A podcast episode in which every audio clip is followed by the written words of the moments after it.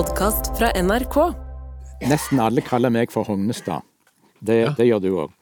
Men det er Hognestad, med G. Hognestad. Ja! Ja, ja, ja. Det der skal jo fint klar. Så må vi si at jeg heter ikke Å, jeg heter Åg. Den, den hørte meg. Den hørte.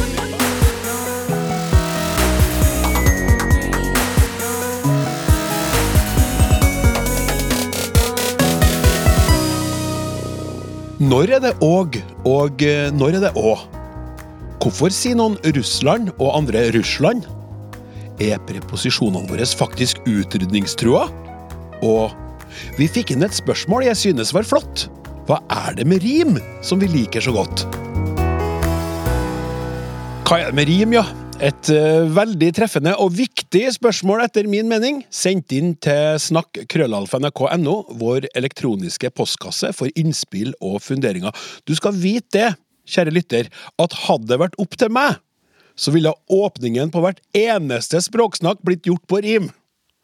Og tror du meg ikke, så tro om igjen, for jeg elsker rimet som var det en venn. Et rim som er lekent og sprettent og gøy, det gir meg en pause fra hverdagens støy. Ja, det var de her fire linjene jeg greide å late fra min lyriske åre i morges. Kanskje ikke den beste reklamen for en mer rimete verden, men det fikk meg i alle fall til å droppe å introdusere dagens ekspertpanel på dikterisk vis, og dette kommer til å foregå helt streit. I Studio 13 på Tyholt i Trondheim sitter følgende fine folk rundt språksnakkbordet. Tina Louise Ringstad, Institutt for lærerutdanning, NTNU, velkommen. Tusen takk for det. Jan Christian Hognestad, Institutt for kultur- og språkvitenskap, Universitetet i Stavanger. God dag, god dag. God dag, god dag. Og Leif Inge og Eller var det Åg. Institutt for lærerutdanning, NTNU. Jeg bare lurer, dere tre, er dere glad i å skrive dikt og eller eh, sanger, Tina? Ja, jeg driver stadig vekk og henger opp eh, lapper på rim eh, på jobb, faktisk. Gjør du det? Ja. Så hyggelig. Ja. Ja, så, Enn du, Leif Inge? Jeg kanskje var mer sånn ungdomssyssel, men eh, så jeg vil ikke si at jeg skriver dikt og sanger, nei. Nei. Nei. Nei, nettopp. Og Jan Kristian? Ja, jeg er litt leilighetspoet av og til. Av og til. Greit. Da vet vi det, og vi starter dagens spørsmålsrunde. Og da må vi bare først spille av et lite klipp med en los i hovedstaden. Hør på det her.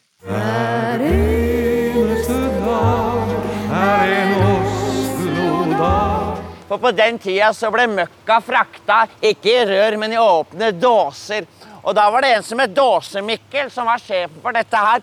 Og han hadde dåsegrana. Skal du forstå dagens Oslo, så må du forstå gårsdagens Oslo. Du er hjelpeløs i denne byen hvis du ikke skjønner hvordan Oslo var før i tida. ja, det her var Kjell Aronsen. Eller Oslo-losen. Eller Harald Eia, som første gang dukka opp med denne legendariske karakteren i TV-programmet Ut i vår hage sesong to. Og hvorfor spilte vi av det her nå, lurer jo du på som hører på, kjære lytter. Jo, det er fordi vi har fått inn følgende e-post. Hei, Klaus. Takk for et strålende program. Et spørsmål jeg har undret meg over lenge, og som jeg i det siste stadig blir påminnet. All den tid Russland i stor grad preger nyhetsbildet også i muntlige kanaler som radio, TV og podkaster. Og nå tenker du som hører på Russland, så nå hvordan skal det med Oslo å gjøre? Vent litt! Saken er hvorfor uttaler noen Russland som Russ Russland, mens andre, andre uttaler det slik det skrives, uten slyd? Det kan virke som om Russland kanskje er et Oslo-fenomen, eller ja, nå sa jeg jo Oslo-fenomen, eller Oslo-fenomen, om du vil, som skriver for Oslo, sier noen. Og så er det mange som sier, som losen vår, Oslo! Selv er jeg trønder som deg, og uttaler Oslo som Oslo.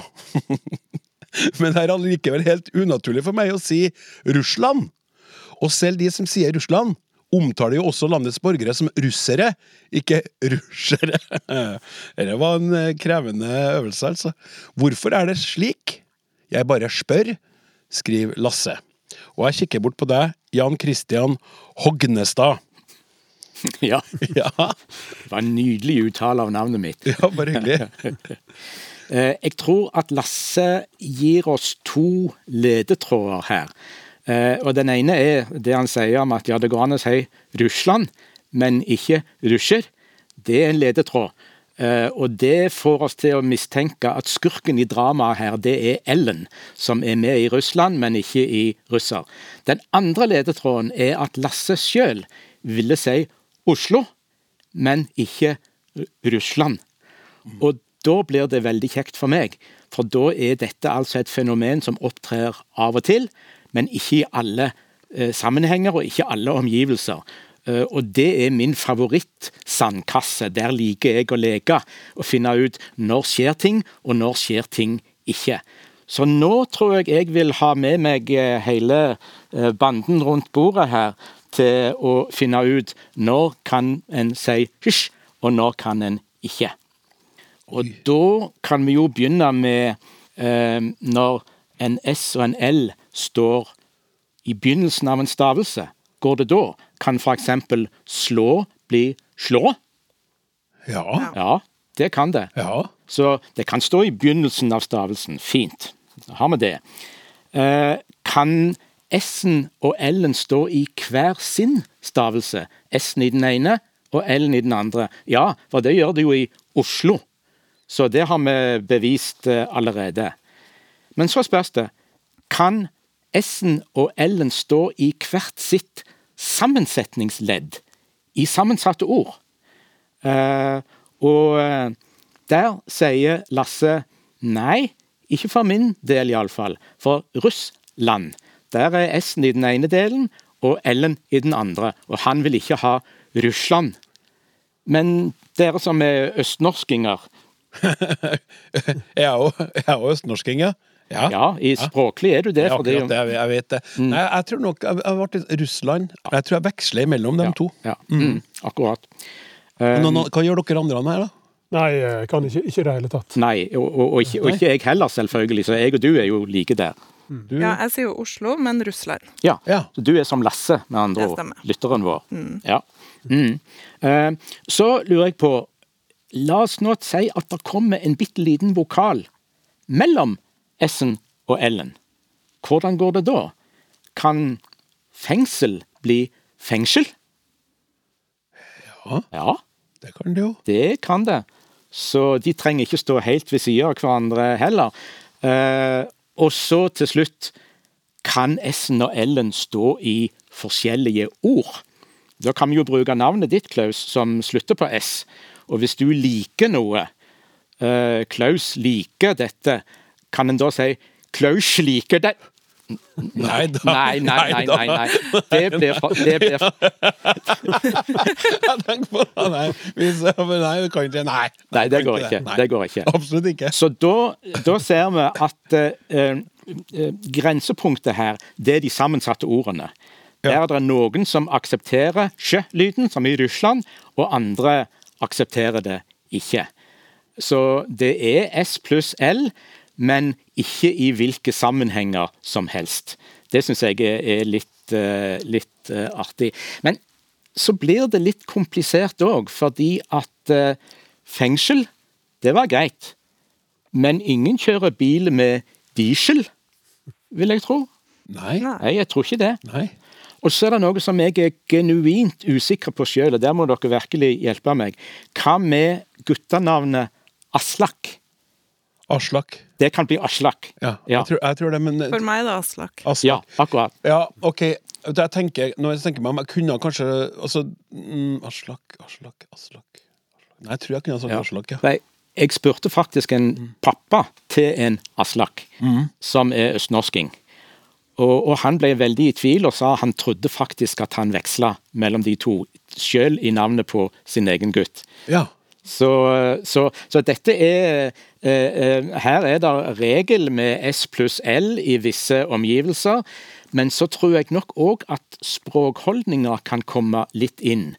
Eh, for eh, Oslo, selv om det har stort gjennomslag nå, så ble det tidligere ikke ansett for å være pent språk. Da var det Oslo Ja. som, som skulle være det pene. Men, men nå tror jeg nesten ingen Oslo-folk under 30-40 år sier noe annet enn Oslo. Nei. Altså, du sa S pluss L. Jeg vil gi Lasse S pluss for spørsmålet. Absolutt. Så eh, Tina, eh, her eh, skal du få bryne deg på en, et spørsmål fra Lars Kleppen eh, Petlund, som i parentes skriver 1950. Ja, det syns jeg var veldig Ja, det fint. syns jeg. Jeg regner med det da han er født, da. Ja. Ja. Et bra år å være født i, tenker jeg. Sitter og hører på Språksnakk søndag formiddag, hvor dere snakker om et innsendt spørsmål om et manglende att i en VG-artikkel. Ja, det er en stund siden det der spørsmålet var opp, og det var flere manglende atter, i hvert fall to i den artikkelen. Det er sånn at noen spørsmål blir liggende en stund før de kommer, men nå kommer det. Det er interessant å høre, for jeg synes preposisjonene har blitt utrydningstruet. Jeg oppdager at jeg selv også kan hoppe over en preposisjon, og da må det være alvorlig! Minner om at det her er en kar som er født i 1950. Jeg tenker at man må kunne refrasere eksempel Er du ferdig med å spise? til Er du ferdig med det? Hvor preposisjonen med er utsatt. Mange dropper den i det første alternativet, men det går jo ikke med refraseringen. Så kommer en opp med ferdig med, klar til osv. Tror fagfolkene at denne preposisjonsbruken blir overflødiggjort og forsvinner? Altså, spør Lars Kleppen Petlund. Det er et godt spørsmål. Ja. Ja. ja, det er et spennende spørsmål. Og det som en Lars påpeker litt mer sånn generelt, det er jo utelatelse av enkelte ord i ei setning. Og først så nevner han jo det her attet som mangler. Eh, og det som var konteksten der, det her snakka dere om på Språksnakk for et års tid siden. Men det var da eh, en tittel om en direktør som hadde gått av etter VG publiserte en sak, og ikke etter at VG publiserte en sak. Ja. Og etter at, det er jo da en sammensatt subjunksjon, kan vi si, med preposisjonen etter og subjunksjonen at. Altså utelater man subjunksjonen. Og så nevner en Lars 'er du ferdig med å spise', der vi kan droppe preposisjonen med, og så kan vi si 'er du ferdig å spise'. Og når vi utelater deler av en setning på den måten sånn her, så er det typisk sånne grammatiske ord da, som preposisjoner og eh, subjunksjoner.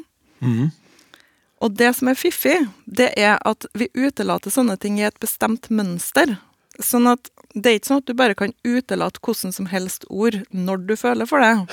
Det er jo kanskje litt bra, da. Ja, det er det jo for så vidt. Eh, og at, det er jo ganske populært, fordi det var jo oppe i Språksnakk igjen forrige uke. Ja. Så det er et lite ord, men eh, veldig mye diskutert. Og det kan vi utelate i enkelte sammenhenger. Vi kan enten si 'jeg håper at du kan komme', eller 'jeg håper du kan komme'. Men vi kan ikke utelate i andre sammenhenger. Så for eksempel 'jeg innser at julenissen ikke kommer i år'. Da blir det rart å droppe det og si 'jeg innser julenissen ikke kommer i år'. ja. Mm. Og her er jo avhengig av ting som eksempel hva slags verb vi har i oversetninga og sånt da. Men poenget er altså at det finnes et mønster. Og så kan vi pense oss litt inn på det med preposisjoner. Og da er det sånn at eh, hvis vi skal samordne to like verb, da kan vi utelate både verb og preposisjon. Det er jo litt for å være effektiv når vi snakker, sant det? Mm. Fordi, og nå skal jeg, altså Det er jo snart jul, sånn at det blir litt juletema på Det, det setter jeg veldig pris på. Ja, Vi forankrer dette programmet i, i der det er i tida, selv om noen hører om, om et år på sommeren. Mm. ja, ikke sant? Ja, Så får jeg de da lyst på lutefisk nå. Fordi i stedet for å si Tina spiste opp lutefisken og Klaus spiste opp ribba, så kan vi jo gjøre det litt mer effektivt, og droppe den siste spist opp-en. Så kan vi si Tina spiste opp lutfisken og Klaus ribba. Ja. Ja. Men i andre sammenhenger, der er det ikke så vanlig å utelate preposisjonen. For eksempel kan jeg si Rudolf stoler på vitenskap, og julenissen stoler på Facebook. Men hvis jeg da skal kutte ut den siste delen her, så blir det forkorta til Rudolf stoler på vitenskap og julenissen på Facebook. Så der blir preposisjonen stående igjen. Det blir litt rarere å si Rudolf stoler på vitenskap og julenissen Facebook. Sånn at på den ene sida så kan vi se at utelating av ord eller setningsledd det følger et sett med ganske intrikate grammatiske regler. Og det som en Lars sender inn, da, det er jo adjektivet 'ferdig', som blir fulgt av preposisjonen 'med'. Mm. Og da er det ikke sånn at det bare blir underlagt ei diger endring der alle preposisjonene i den sammenhengen vil forsvinne. Og han eh, kommer jo med et eksempel 'klar' til. Og det har aldri hørt at klar til kan brukes bare som klar. Altså, jeg er klar til å gå. Jeg er klar å gå. Det har jeg ikke hørt. Jeg vet ikke med dere, men Nei. Nei. Så det gjør at jeg ikke tenker at den typen preposisjonsbruk vil forsvinne, da. Men samtidig så må vi innom engelsk innflytelse og påvirkning. Ah, det er noe som skjer. det ikke. Ja, det er noe som skjer med preposisjoner fordi vi blir påvirka av engelsk. Og der har Språkrådet ei veldig fin liste med preposisjonsbruk i norsk som er påvirka av engelsk. Der er det eksempel på bortfall av preposisjoner. For eksempel så er det attestert at folk sier eh, 'skuffa at' i stedet for 'skuffa over at'. Insistere at i stedet for 'insistere på at'. Og 'usikker om' i stedet for 'usikker på om'. Et sukk fra en eh, Ja. halvgammel mann i programleder- programlederstolen. Kom der! Ja, Sånn er det, vet du. Åh, Men, er det mulig? du skjønner, Men, de forsvinner ikke bare. men det er Snart er dimittert nå, så da. Du blir snart dimittert. Det er ikke bare sånn at preposisjonene forsvinner, for det er noen som kommer til i sammenhenger der de ikke har vært før. noen kommer, noen går. Nettopp. Ja. Så eksempel har kommentere i, for enkelte blitt til kommentere på. Mm. Comment on. Mhm. Og innrømme har blitt innrømme til. Admit to.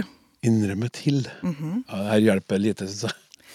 Og så er det òg eh, enkelte preposisjoner som blir bytta ut med andre preposisjoner. Så på avstand, det blir til fra avstand.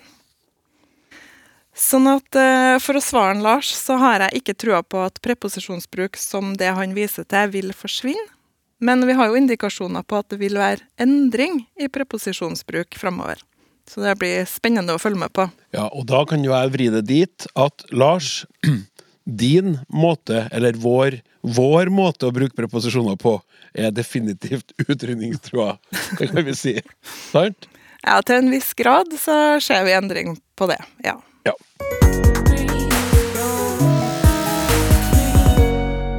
Hei! Jeg er en eh, gamling på 80 år, og litt eh, over snittet interessert i språket vårt. Utropstegn sjøl bak i, i, i eh, klammetegn.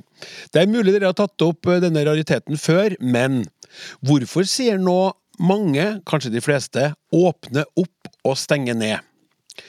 Er det noe i det norske språket undertegnede, undertegnede ikke har fått med seg? Jeg trodde det var slik at når man åpner noe, for eksempel ei dør, da åpner døra seg. Det samme med en eh, kjendisdame, ei influence-gay, influence-gay, ja, som skal fortelle verden om et samlivsbrudd, noe eh, vi jo alle er ustyrtelig interesserte i. Behøver Dagbladet si at hun åpner opp om bruddet? I henhold til hvordan vi praktiserer språket vårt, kunne det ikke holde at Dagbladet kunne skrive Renate Bollerud, et tilfeldig valgt navn, tror jeg, åpner nå og forteller om sitt samlivsbrudd. Det samme gjelder jo å stenge ned. Har jeg til nå levd i en ufattelig stor uvitenhet når jeg har trodd at det var nok med å si eller skrive stenge, si eller skrive stenge? For eksempel restaurant Tordenskjold stenger. Gjesten, gjester ble forgiftet. Det er så mye artig eksempel.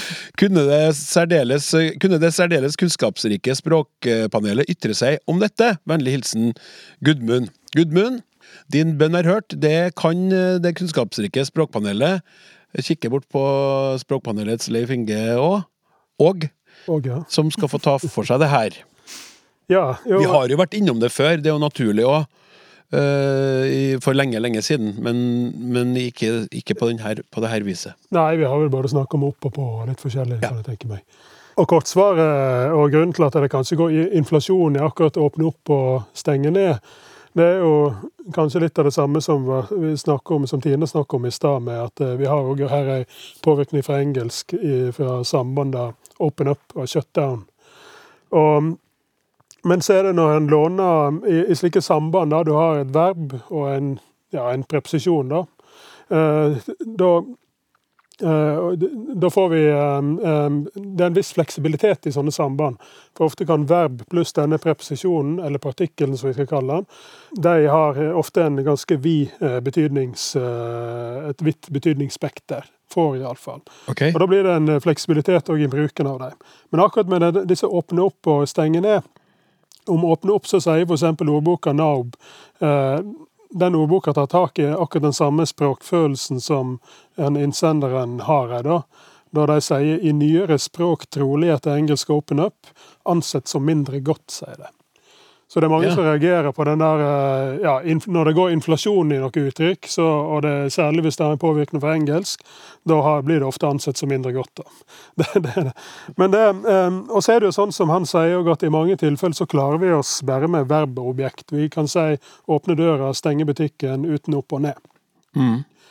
Men så er det igjen sånn at vi legger til ofte slike småord som i noen tilfeller er ganske betydningsfulle og avgjørende at vi har med, og i andre tilfeller blir de marginalt eh, bidrar med, med, med mer marginal betydning, og eh, sånn rent informasjonsmessig. Eh, han nevner jo opp og ned, og noen slike tilfeller der, der vi kaller da åpne opp og stenge ned. Det kaller vi da for et, et sammensatt verb, komplekst verb, eller et partikkelverb, kaller vi det òg, for verbet har fått på seg en partikkel. Og Av og til så peker verbet og partikkelen i samme retning. Ja, eksempel hvis jeg sier 'løfte opp', både 'løfte' og 'opp' peker på en måte nedenfra og opp. da. Mm. Uh, og Av og til så kan de peke i motsatt retning. Det er faktisk salm, en salme som heter 'Å løft ham sakte ned'. Og Da peker løfte og ned i motsatt retning. Og I det siste tilfellet da er jo partikkel veldig viktig sant?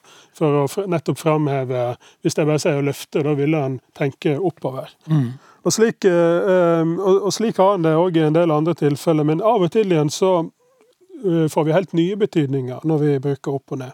Ordne opp i en sak, og med ut, tenke ut en plan, sette ned en kommisjon. Det, det uttrykket da viser jo ikke noen retninger. sant? Du tenker ut en plan, så tenker ikke du den innenfra ut, ut av huset. Det, det, det, men tvert imot så har en del av slike uttrykk uttrykket heller resultat og en slags ferdigstilling av noe. Mm. Et annet tilfelle som ligner på å åpne opp, da, som da det ikke er nødvendig med den partikkelen, det kunne være gape opp. sant? Mm. Å åpne opp akkurat det samme som han nevner. Men så har vi òg med dører der oppe opp er, er helt nødvendig igjen. Lukke opp, låse opp. sant? Opp bidrar med motsatt betydning, men her ikke opp, men her åpner det seg. Ja. Så opp òg har en betydning eh, ikke bare i retninga opp, men det kan òg indikere at eh, noe blir åpent. Lukk opp din hjertedør og slipp solen inn. Gled i ditt sinn. Ja, nettopp, ja. Og da sier vi Ja, ja. Jeg vet at du er så glad i sånn musikk, Leif Fingens.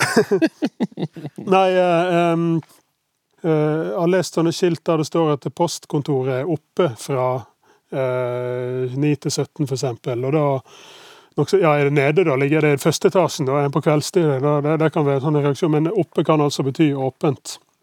Så spørsmålet trenger vi da eh, partikkelen eh, opp når vi sier åpne.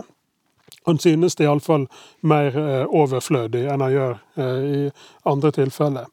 Men det har gått litt inflasjon i ja, om noe er åpent eller ikke, men det går òg litt inflasjon i det, og uttrykk med mer overført betydning.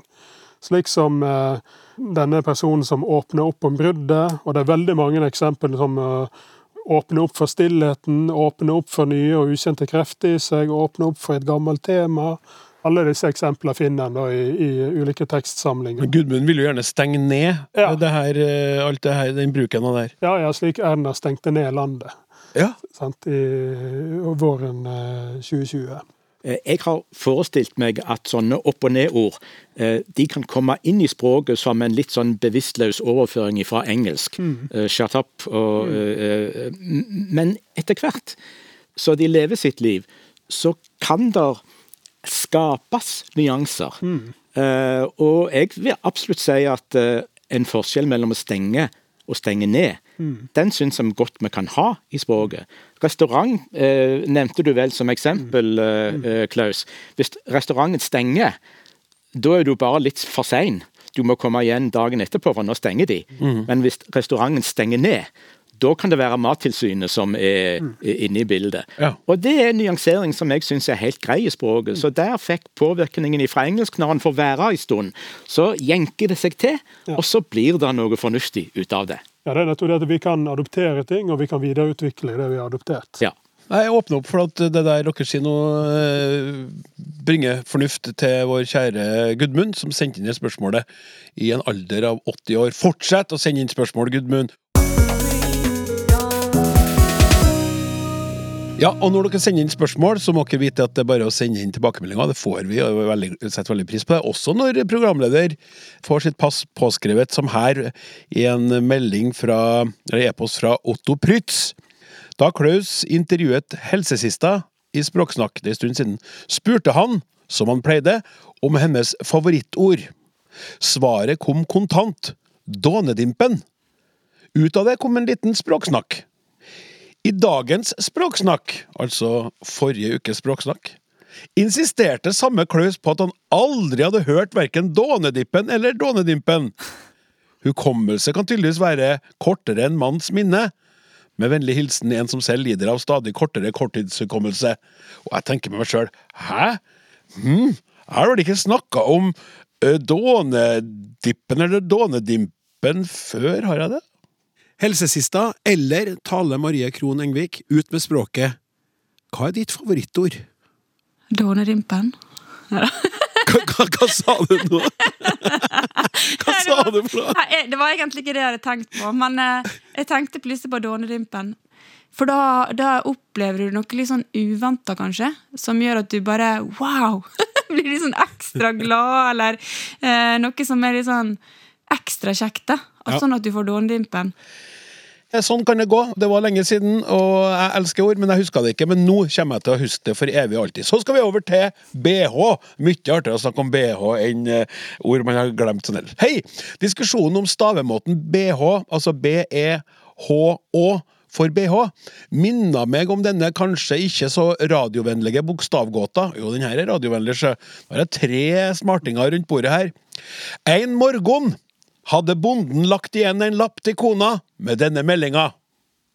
B A T A C T Q A V 9 10 A. Hva hadde han meint? Ja, hva hadde han meint? Er det noen av språkforskerne som Freistad prøver seg på denne meldinga? Jeg tror denne språkforskeren hadde mått måtte sett det skriftlig hvis jeg skulle eh, Ja, men skal jeg det, lese det var min korttidshukommelse som svikta nå. Jeg greide ikke den lange sekvensen Jeg leste med vilje. Litt vanskelig. Dere Ja. hører når, jeg- når jeg sier det fortere, da. Bea Thea CTQ-a ved nitida. Oh. Mm. Bea Thea CTQ-a eller CTQ-a ved nitida. Ja. Thea var tjenestejenta på gården, og T er selvsagt dialekt for til og sånn, ikke sant? Den var ikke UFN heller, skriver han. UFN. UFN. Ellers finnes det flere ord på norsk som potensielt kan bokstaveres. Her er det to lengste jeg har funnet. XLNC, eksellense, og BZLC, besettelse. Beste hilsing Carl Ove Hufthammer. Så det var bra jobba. Ja. Ja, takk skal du ha, Karl Ove.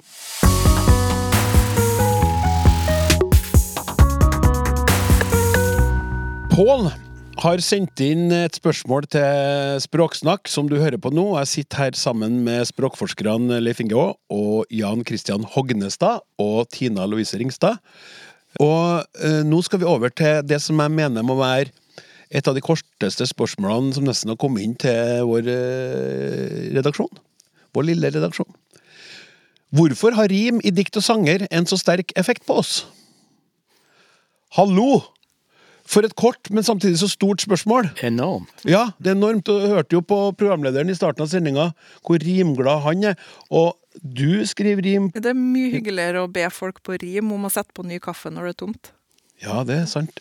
Du gjorde det litt i ungdommen, om, ungdommen Leif Inge. Du, er- du er med på sånne, sånne dikt uten rim og sånne ting, du nå. Det er, ikke, så mange anledninger til å holde på sånn, men jeg lager jo en del sånn tull og sånt med unger og slikt. da. Ja, nettopp. Ja, det er fint. Jan Christian, du eh, skal få lov til å kose deg med det her eh, spørsmålet nå. For rim er Det, det er viktig for mennesket. Ja, og denne runden eh, viste jo det, og derfor har jo Pål aldeles rett. Vi er jo generelt kjempeglad i rim. Eh, og den første konklusjonen vi kan trekke av det, det er jo at språk er ikke bare grammatikk, men det er òg estetikk. Det er estetiske sider av språket som vi nå er inne på. Og Det gjør jo òg spørsmålet til Pål vanskelig. For hvis vi syns at noe er fint eller vakkert, hvorfor er det vakre vakkert? Det er jammen ikke lett for en stakkar å, å svare på. Eh, så knytter Pål det til dikt og sanger, som jo er helt riktig, men jeg tror at dette med rim ligger mye, mye dypere i oss eh, enn en som så. Så tror jeg kanskje vi skal si at uh, Pål tenker, når han sier rim, så tenker han kanskje først og fremst på det vi ellers kaller enderim, altså type finne, vinne. Uh, men husk at uh, det fins òg en annen viktig type rim. Vrei var Vinktor da han vakna, står der i Trymskvia. Uh, og det er jo konsonantrim. det er v-ene som gjentar seg, såkalt alliterasjon. Og når jeg om litt skal gi noen forslag til hva det er med rim som er så flott, så tror jeg at gjentakelse er et av de momentene som vi må innom. Og det ser vi veldig tydelig i, i konsonantrimet, da. For i enderimet eh, så er det òg noe som blir eh, gjentatt. Men visste dere forresten at konsonantrimet, altså Vreivar Vinktor, det er rimet i norrønt. I norrønt så interesserte de seg ikke for enderim i det hele tatt. Oh. Enderimet som uh, uh, vi er så glad i, ikke minst du, Klaus, ja. det kom til oss i kristen middelalder. Det, det, det, overrasker meg. Ja, det, eh, Da jeg leste det første gang, så overraska det meg òg. Så det kom til oss relativt seint, og så falt vi til de grader for, for enderimet. Så kom konfirmasjonssangene. Ja. og dem har jeg skrevet mange av! Jeg har skrevet til hele familien og andre òg. Ja. ja, ja Konfirmasjonssang det er jaktmarken sin, det. For, for å lete etter rim. Um, men uh, det begynner jo my mye tidligere enn en det. Fordi at uh, før vi kan ordet rim, så kan vi jo som regel rime som, som småunger. Og da er det enderim vi, vi, driver på med. Og unger rimer jo med den største fornøyelse. Uh, og, og, det forteller meg òg at dette er noe som ligger veldig dypt i, i oss uh, mennesker. Men så er det sånn at uh, en seksåring som kan rime som bare det, kan selvfølgelig ikke forklare hva et enderim er for noe. Og det kan faktisk ikke som regel mine 20 år gamle studenter heller. For enderimet er en ganske komplisert, det er mye mer komplisert det enn det norrøne konsonantrimet. Og eh, før jeg eh, kommer med mine forslag til hvorfor vi liker dette så godt, så må det litt lingvistikk òg eh, inn her. Og da må vi gå til min favorittstørrelse i språkstrukturen, og det er stavelsen. Den er jeg kjempeglad i. Ja. Og det er faktisk òg de små ungene, fordi at unger oppdager veldig ofte at det er stavelser i ordene, før de oppdager at det er lyder i ordene. Og lyder må de jo oppdage at det er for at de skal klare å lære å skrive. Men stavelsen, som du kan klappe eller hoppe, det er noe som unger har sans for. Og enderimet kalles ofte òg for stavelsesrim. Og hvis to stavelser skal rime, så må det være så komplisert som at eh, hvis vi tar utgangspunkt i vokalen som står midt i stavelsen, og så kan vi på norsk kle på vokalen med konsonanter før og etterpå, så må konsonanten før vokalen være forskjellig i to ord som rimer, mens vokalen og alt som kommer etterpå, må være likt. Og det er jo komplisert.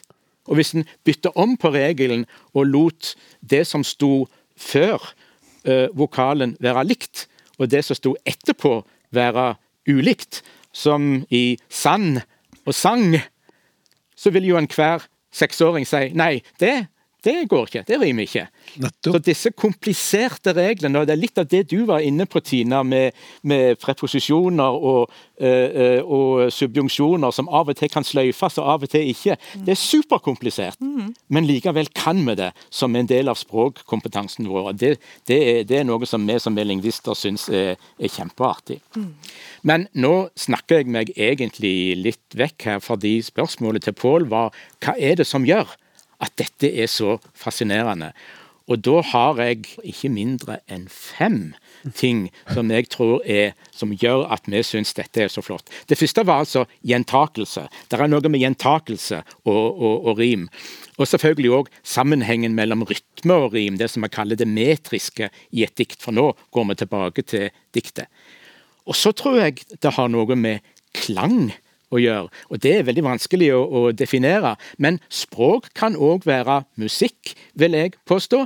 Og den formen for skal vi si, organisert vellyd som rimet representerer, det liker vi eh, veldig godt. Og før jeg tar de neste tre, så har jeg lyst, Klaus, hvis jeg får lov, å lese en liten strofe som veldig mange kan. Det er den store Rudolf Nilsen. Ja, vær så god. Jeg kom til verden i en murstensgård og ble en gategutt.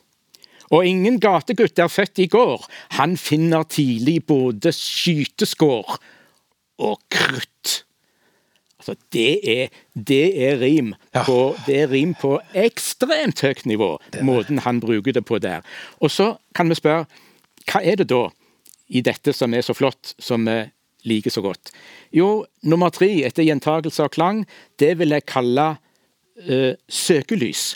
Altså i et dikt ord som er viktige i diktet, blir ofte gjort til rimord. Murstensgård, gategutt, født i går, skyteskår, krutt. Der har vi liksom hele strofen eh, som rimet har satt søkelys eh, ned på. Og så tror jeg at rim har noe med forventning å gjøre. For vi vet jo at rimord, enderim, kommer på eh, enden av en verselinje. Og når vi da hører noe som vi skjønner er et rimord, så tenker vi hva blir det neste? Hva skal dette rime på? Men vi er litt spente på det, faktisk, når vi er i ferd med å høre et dikt eller høre et Kan man bli oppløfta av å bli overraska? Og kanskje bitte litt skuffa hvis det var det man trodde, for da skjønner du hva jeg mener? Altså litt sånn, Det var helt greit, men oi!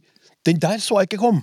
Jeg skjønner veldig godt hva du mener, og da foregrep du faktisk det siste av momentene mine, for det er nemlig overraskelse. eh, som, som er kjempeviktig når det gjelder rim. Og se på Rudolf Nilsen. Eh, 'Jeg kom til verden i en mursteinsgård. Så skjønner vi ja, eh, murstensgård det er rimord. Og så viser det seg at rimordet på mursteinsgård er skyteskår. Det er det er der, det er der smell i. Ja. Eh, Nesten bokstavelig talt, altså. For det, er, det gir oss en overraskende rim, rimvirkning. Den er frisk og flott, eh, i motsetning til hjerte og smerte, som jo veldig ofte er, er det, det blir jo framholdt som det mest eh, banale. Men da har jeg faktisk lyst til å avslutte med å si at det er faktisk noen ganske få lyrikere som har greid å rime hjerte og smerte uten at det blir banalt. Eh, vi kan ikke ta det diktet nå, men lytterne kan etterpå eh, finne et dikt av Inger Hagerup som heter Emily Dickinson. Det er et biografdikt om Emily Dickinson. Og eh, Inger Hagerup er jo en av de store rimbrukerne i, i norsk lyrikk. Finn det diktet som heter Emily Dickinson, og se hvordan hun rimer hjerte på smerte på en helt sublim måte. Det får være dette innslagets cliffhanger. Oh, veldig bra, takk skal du ha. Vi må rett og slett bare hoppe videre. Men jeg syns vi skal bevilge oss en aldri så liten jingle, som det heter. Hei! Dativ i norsk var tema i radioen i dag. I mitt 70-årige liv har dativ norsk bare vært omtalt som et gammelt språktrekk på vei ut, fra barneskolen til Nordisk institutt og videre. Men fortsatt eksisterer det, riktignok i mindre og minkende grad. Som eh, kasuselsker spør jeg, hvilken rolle har språk og skolemyndigheter, skolemyndigheter spilt for denne delen av den norske språksituasjonen? Er fjerning av dativ i skrift en villet politikk? Kan det være en aktuell oppfølging å intervjue en språkhistoriker om det? Spør eh, Geir C. Solberg. Ja, Liv Inge, eh, hva tenker du om det her? Eh, Jeg tenker at det er et veldig interessant spørsmål som jeg skal komme litt tilbake til og svare ja på. At det er en ville politikk på ett vis, eller kanskje på to vis til og med.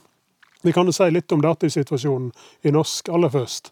Vi bare forklare hva dativ er, da? Ja, eh, eh, for det, det er jo rett at dativ eh, er på vei ut av norsk, og vi kan si det er på vei ut av nordisk. For det vi har hatt tidligere norsk, så har vi hatt et sånt firekasussystem med nominativ, akkusativ, dativ og genitiv. eh, Som er òg de fire kasusene som de som kan eh, tysk, kjenner igjen. Og dativ er jo typisk den markeringa av det indirekte objektet, f.eks. i en setning. Jeg har et, for et, et eksempel fra, fra Åsens tid. Da han dativ fra Trøndelag. Der han sa han gav båndom bøker. Sant? Han ga ikke barna, men båndom. Da står, da står båndom står bøyd i dativ, fordi det er indirekte objekt i setninga. Båndom. Ja, så det, det, det er fra Trøndelag midt på 1800-tallet. Um, men vi har det ikke produktivt lenger i norsk. da. Vi har dativrester i norsk. Og i færøysk, faktisk. eh, Som jeg, jeg er ikke færøyskunnig, men jeg har lest om det. at um, eh, Det representerer jo en, slags mellomsteg i språkutviklinga fra det gamle til det nye systemet. Der, eh, der kasussystemet er i, i oppløsning, kan en si. For der, eh, der sier iallfall en språkforsker som heter Hjalmar Petersen, i en artikkel for seks år siden, at dativ er på vei ut hos unge talere, i alle fall som objekt etter verb. Men etter preposisjoner så lever dativen litt bedre, òg hos de unge der. Og det er først og fremst etter preposisjoner vi har dativrester i norsk. Og når vi har dativ i norsk altså bøy- i norsk. ja, vi har, når vi bøyer et substantiv i med dativform, da. Ja. Eh, da, eh, det er da vi har da, um, Når vi har det, da, eh, ehm, da har vi det òg bare i bestemt form av substantivet. Så, så det var båndom, men hvis det var barn i ubestemt form, da ville det ikke bli bøyd i dativ. da. Så systemet er da sånn som i tysk. Vi har enkelte preposisjoner som eh, er dat eller var da, dativpreposisjoner. Husker, noen som husker dativpreposisjonene i tysk? Aus bei mitner von zu. Seit òg, ikke?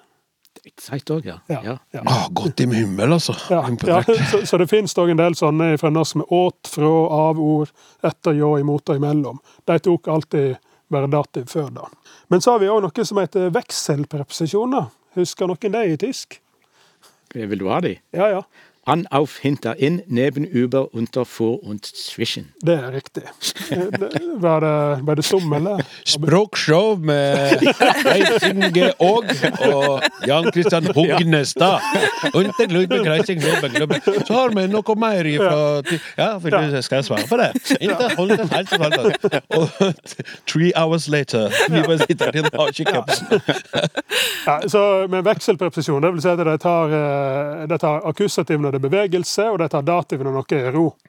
Slik at, eh, at, at far min, eksempel, som eh, kommer fra Nordfjord, han har et sånt eh, et vekselsystem. Så for han er det en forskjell å si at jeg skal gå opp på fjellet, sier han. Og det er en forskjell fra jeg er på fjella. Ja. At det er fjellet og fjella. Ja. Da er det dativbøying. Den ene øyinga. Og så Det må ikke være enkelt å ha det sånn. Nei, og så en setter seg i bilen, men han setter inn i bilen. Så, sånn at dette vekselsystemet det er det vi har rester av, da, men som er, er i, i oppløsning. Det er eldre talere stort sett som har det. Og det er, det er, mens hos yngre talere av den samme dialekten har det ikke. Så det, det er forsvunnet. Men så spør han da hvorfor. Er det, er det villa politikk at dativen eh, så å si skulle forsvinne, da? Og um, jeg har allerede annonsert at jeg vil svare ja på det. Det er en villepolitikk, og det har vært en villepolitikk. Det har vært en villepolitikk, iallfall skriftspråket. For allerede på Iver Aasen han ville ikke ha dativ som del av landsmålet, når han lagde en grammatikk for landsmålet. Eh, Han sa han ville åpne for flertallsformer om, som vi hadde i stad, med båndom. Den ville han åpne for i dikt. Som et I dikt? Ja, ja. som et stilistisk virkemiddel. sant? men ikke i vanlig prosa. Nei.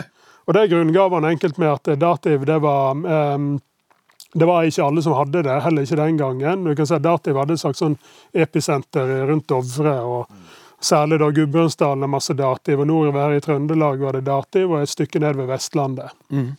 Men så sier han at det er ikke alle som har det veldig vanskelig å lære datasystemet hvis du ikke har det i morsmålet ditt, og da blir det vanskeligere å lære skrifter hvis han skulle ta det inn. Og så mente han også at det var ikke nødvendig. Det var ikke nødvendig for et betydningsskille for de fleste. Og dessuten så hadde det veldig reduserte form, dativform igjen i norsk. Det er stort sett hokjønnet som Stevene sa jeg i stad. Det, har en- det har en tostavelsesending, men ellers har det bare A-ending før han og, og uh, insekjønn. Sånn at det var, det var allerede i ganske stor oppløsning på Åsen sin tid, så han vurderte det slik at det ikke var verdt å ta det inn i landsmålet.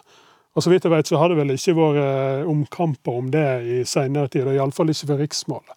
Og sånn kan du, kan du si at det har vært en villa eh, skriftspråkspolitikk å ikke ta inn dativ i skrift. Men så er det, og så er det spørsmål om talemål, og det har jo forsvunnet veldig i talemål i de to siste generasjonene. Kan vi si at det er en villa politikk å avvikle det av talemålet? I direkte forstand så kan du vel ikke si det, men vi kan jo si at eh, all eh, sentraliseringspolitikk, da, det er jo en indirekte dativavviklingspolitikk. Ja. Så det, sånn at du vi kan si det har vært en, eh, en eh, Ja, altså indirekte kan du kanskje svare ja på det. Hvis vi skal revitalisere eller opprettholde dativen, så måtte jo eh, hatt flere fordelte grendeskoler og slikt, da, med, med veldig få elever som hadde lite kontakt med omverdenen. Det har vært utrolig interessant å høre den politikeren som sier det. Hvorfor gjør dere det her nå med dere flytter folk tilbake til små steder. Nei, dette, det, dette er jo en revitalisering av datingspolitikken som vi nå arbeider intenst med. Når det, når det er sagt, så tror jeg, tror det, det, er vel heller aldri argumentert for sammenslåinger for ta, for å gyve løs på dativen heller, da. Og mesteparten er jo kanskje språklig utvikling da, og påvirkning fra alle kanter, og at vi tilpasser oss mer og snakker kanskje mer og mer likt. Kan vi si det?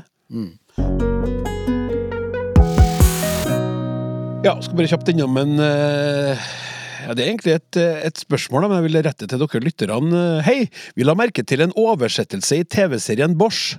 For, forresten en veldig bra og spennende serie. Der en person ber en eh, eh, flytte seg, og sier noe sånt som 'fuck off'. Ja, det var det var sa, da. Som er oversatt med 'pigg av'. En presis oversettelse, kanskje til og med idiomatisk, men er det noen voksne i Norge som sier 'pigg av' når de vil ha bort noen som står i veien for en? Det undrer Jørn Pedersen, og da vil jeg bare spørre deg som hører på, sier du noen gang 'nei, du, pigg av', da? Eller eh, sier du noe annet? Skriv inn til snakk.krøllalfa.nrk.no hvis du har noen forslag til, her, eller om du faktisk er en av dem som sier altså, 'Hei, Kløs, jeg har sagt pigg av i alle de år, og det funker som bare det'. Hei og takk for et artig, opplysende og lærerikt program. Jeg har et spørsmål om bruk av å eller åg. Jeg er ikke så god på alle de ulike språklige begrepene, så jeg forklarer bare min begrunnelse slik jeg intuitivt tenker, men vil gjerne ha fasiten om, om å eller åg teoretisk forklart. Saken er I et uh, quiz-spørsmål i A-magasinet om språk var spørsmålet Du kan ikke bare drive og skråstrek og rangle som en bohem. Altså, hva skulle du velge av å eller åg? Jeg mener å er det riktige, mens A-magasinet mener åg. Siden det var fasiten på spørsmålet, tyder vel det på at jeg tar feil. Men jeg tenker at drive i denne setningen ikke er noe selvstendig gjøremål som rangle er, og naturlig bør forstås som å holde på med. Da føles det rett og slett både mer naturlig og riktig, eller og riktig, å skrive Du kan ikke bare holde på med å rangle som en bohem. På forhånd takk for svar. Med vennlig hilsen Jørn. Kikker bort på deg, Tina. Du har et sånn lurt smil om munnen. Gleder deg til å svare på dette spørsmålet nå. Og jeg lurer på hva du har å si om det. Ja. Ja, jeg syns det var veldig artig at Jørn skriver inn med det lille spørsmålet, ikke sant? for det ser lite ut, og så ser det ut som det er et sånn enkelt eh, åg og å-spørsmål. Eh, men så er det jo skrevet side opp og side ned om eh, det som er svaret her, da. Eh, og før jeg kan begynne å forklare det, så må vi først ha klart for oss hvor bruker vi å og åg, sånn at alle er med på det videre. Og å, det er jo et infinitivsmerke som står foran verb i infinitiv, mens og det er en konjunksjon som samordner eller koordinerer to like av et eller annet slag. Så ågen, den bruker vi for å samordne eksempel substantiv. Eh, og igjen så er det jul snart, så eksempelet blir ribbe og pinnekjøtt. To verb i eksempel presens, som vi danser og synger. Eller to verb i eksempel infinitiv, som eh, vi skal danse og synge. Men hvordan kan vi se at det her er samordning eller koordinasjon av to like? Jo, det spiller ingen rolle om de bytter plass. Hva står først, og hva står eh, etter ågen. Så om det står ribbe og pinnekjøtt, eller pinnekjøtt og ribbe, eller vi danser og synger, eller synger og danser, det spiller ingen rolle, sant? Og så har vi det som en Jørn spør om. Han spør om drive og rangle. Da sa fasiten fra A-magasinet òg. Så vi kan sjekke om det er en koordinasjon, da. Vi kan si driv og rangle, men rangle og drive? Du kan ikke bare rangle og drive. Det blir jo veldig rart. Det betyr jo i beste fall noe annet, kanskje. Så da er jo ikke dette en ordentlig koordinasjon. Men skal det da være infinitivsmerket òg? Eh, I den setningen her så står jo både drive og rangle i infinitiv. Og så kan vi prøve fortidsprøven. Har du hørt om eller husker den? Nei, det, det, det der nå er hjernebarken sånn bak bakker så klør det. Bakker, Ja, ikke sant? Mm. Eh, det går ut på at vi setter det første verbet i fortid, og så ser vi om det andre verbet følger etter, eller om det fortsatt står i infinitiv. Så hvis jeg da skal si at jeg dreiv og rangla, så blir det jo faktisk ganske rart å beholde rangle som infinitiv. Jeg dreiv og rangle. Den er rar. Jeg dreiv og rangla. Begge verbene må endre tid, altså. Og det vil si at det skal heller ikke være infinitivs òg foran rangle. Så det her er ikke en nødvendig infinitiv, og det er ikke en koordinasjon. Hva er det for noe? Ja, hva er det for noe? Ja, hva er det? Det er en pseudokoordinasjon. Altså en en pseudokoordinasjon? Ja, en liksom-koordinasjon. Og er derfor jeg smiler så lurt, for jeg syns det her er ganske artig, da. Ja. Pseudokoordinasjon det finner vi faktisk i mange tilfeller i norsk. For eksempel 'han sitter og spiser'. Der er det òg. Igjen så ser det ut som verbene henger sammen ikke sant? i fortidsprøven. Han satt og spiste, ikke han eh, satt og spiser. Men vi kan ikke bytte om på dem, eh, som i en sånn vanlig koordinasjon. For han spiser og sitter, det betyr jo noe annet. Ja. Eh, og vi har faktisk en hel gruppe med sånne type posisjons- og bevegelsesverb da, eh, i pseudokoordinasjoner. For eksempel kan vi si at eh, jeg går og snakker i telefonen, men eh, snakke i telefonen og går, det, det betyr noe annet. Vi kan si eh, legge seg og lese, i stedet for lese og legge seg, som da er noe annet. Og så har vi òg ei gruppe med sånne verb som nettopp driver eller holder på, som vi finner i sånne pseudokoordinasjoner. Og så har vi òg verbet ta. Jeg tar og sender et julekort. ja. Så derfor så skal det faktisk være. Du kan ikke bare drive og rangle som en bohem. Det er faktisk et ganske utbredt fenomen i norsk. Eh, og i tillegg til det som er nevnt nå, så er det mulig å koordinere to ledd som ikke hører til samme ordklasse. For eksempel 'vi skal ut og spise', eller 'ut og stjele hester'. Ja, 'Ut og stjele hester', den, eh, det er jo den boktittelen til han eh, Per Petterson, jeg leste boka. Kjempebra. Ja, kjempegod bok. ja. Fantastisk bok. Og den, den, den har jo òg i tittelen.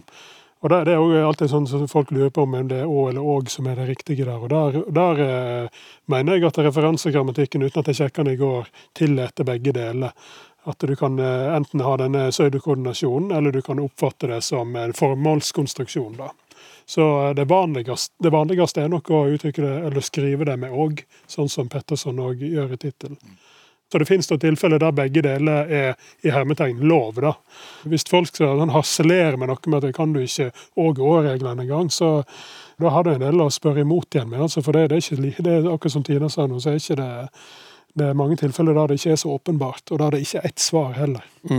Og eh, så kan vi har jo tidligere i dag snakka om dette med at reglene i språket kan være kjempekompliserte, men vi kan de allikevel mm. når vi kan morsmålet vårt. Her har du pekt på et område der vi ikke nødvendigvis alltid kan reglene. Og det tror jeg kanskje har å gjøre med at i talespråket så både du, Tina, og du, Klaus, eh, har demonstrativt sagt 'og' med uttaler uttale G-en veldig tydelig. Men som regel gjør vi jo ikke det. Det er å og å i, i, eh, veldig ofte i, eh, i talespråket. Og, og dermed er det først når vi kommer til skrift at problemet virkelig oppstår. Så vi får, ikke, vi får ikke trent oss opp i talen til å kunne disse reglene. Og så blir vi eh, litt ubehjelpelige når det skal skrives. Et eh, annet eksempel som kommer på, der folk, folk blir veldig usikre når du har denne infinitivsmerket. Og Da tror jeg gjerne at det alltid et infinitiv, alt etter å, altså bokstaven å, så skal det følge et verb i infinitiv. Og det stemmer jo ikke heller i talemål i det hele tatt. Så vi, vi kunne jo sagt f.eks. eh, eh, det hadde vært godt å tatt en pause nå. Der skal det være å, ikke åg. For da uttrykker du det vi kaller kontrafaktiv, og du uttrykker noe som faktisk ikke skjer. Og det gjør en da med, det kan en si med å, altså infi- infinitivsmerket i hermetegn, pluss et, eh, et partisipp som uttrykker noe som faktisk ikke skjer. Og da er det riktig med å, altså, men eh, da, blir, da blir jo eh, folk forvirra og redde, for han har jo lært et eller annet om eh, i skolegrammatikken sin, som da i dette tilfellet går på tvers av grammatikken som vi har inni hodet vårt. Ja. Det, nei, det er ikke noe rart. Det er fascinerende. Som du sa, et, et lite spørsmål som rommer masse. Ja, jeg vet ikke om en Jørn ble noe klokere eh, nå, da. Vi ga jo noen regler med masse unntak. Jo, men han fikk jo eh, svar på spørsmålet sitt, eller den setningen som han eh, lurte på, da. Ja, det får vi håpe. Og så fikk jo jeg Jeg, jeg syns jo det er artig med det kontrafaktive og, og pseudokoordinasjon. Mm. Hvis du krangler, hvis du er språkforskere som er i et forhold, da. Eh? Enn du, da, din kontrafaktive pseudokoordinasjon! det fikk jeg ut av det. Dramatisk terminologi som skjellsord. Ja, ja, ja. Slenge deg bare ut. Så vidt jeg vet, så er jo du, Tina, faktisk sammen. Språkforsker, er ikke du det? Ja, men jeg har aldri prøvd ut uh, Nei, sant. ja, Han har vært er her, også, så du kan teste. Da må vi rett og slett runde av.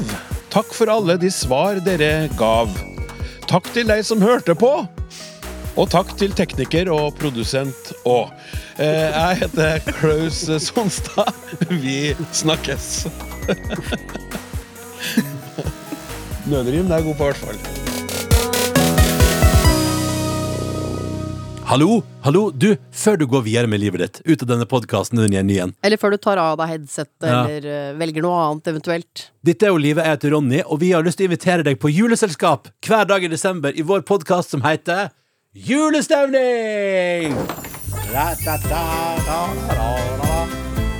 Jeg må si, det er en avtale Ja. det er vanskelig å si nei til. For du og jeg, vi møtes hver dag for å prøve å finne julestemning. Ikke bare vi, men sammen skal vi finne julestemning.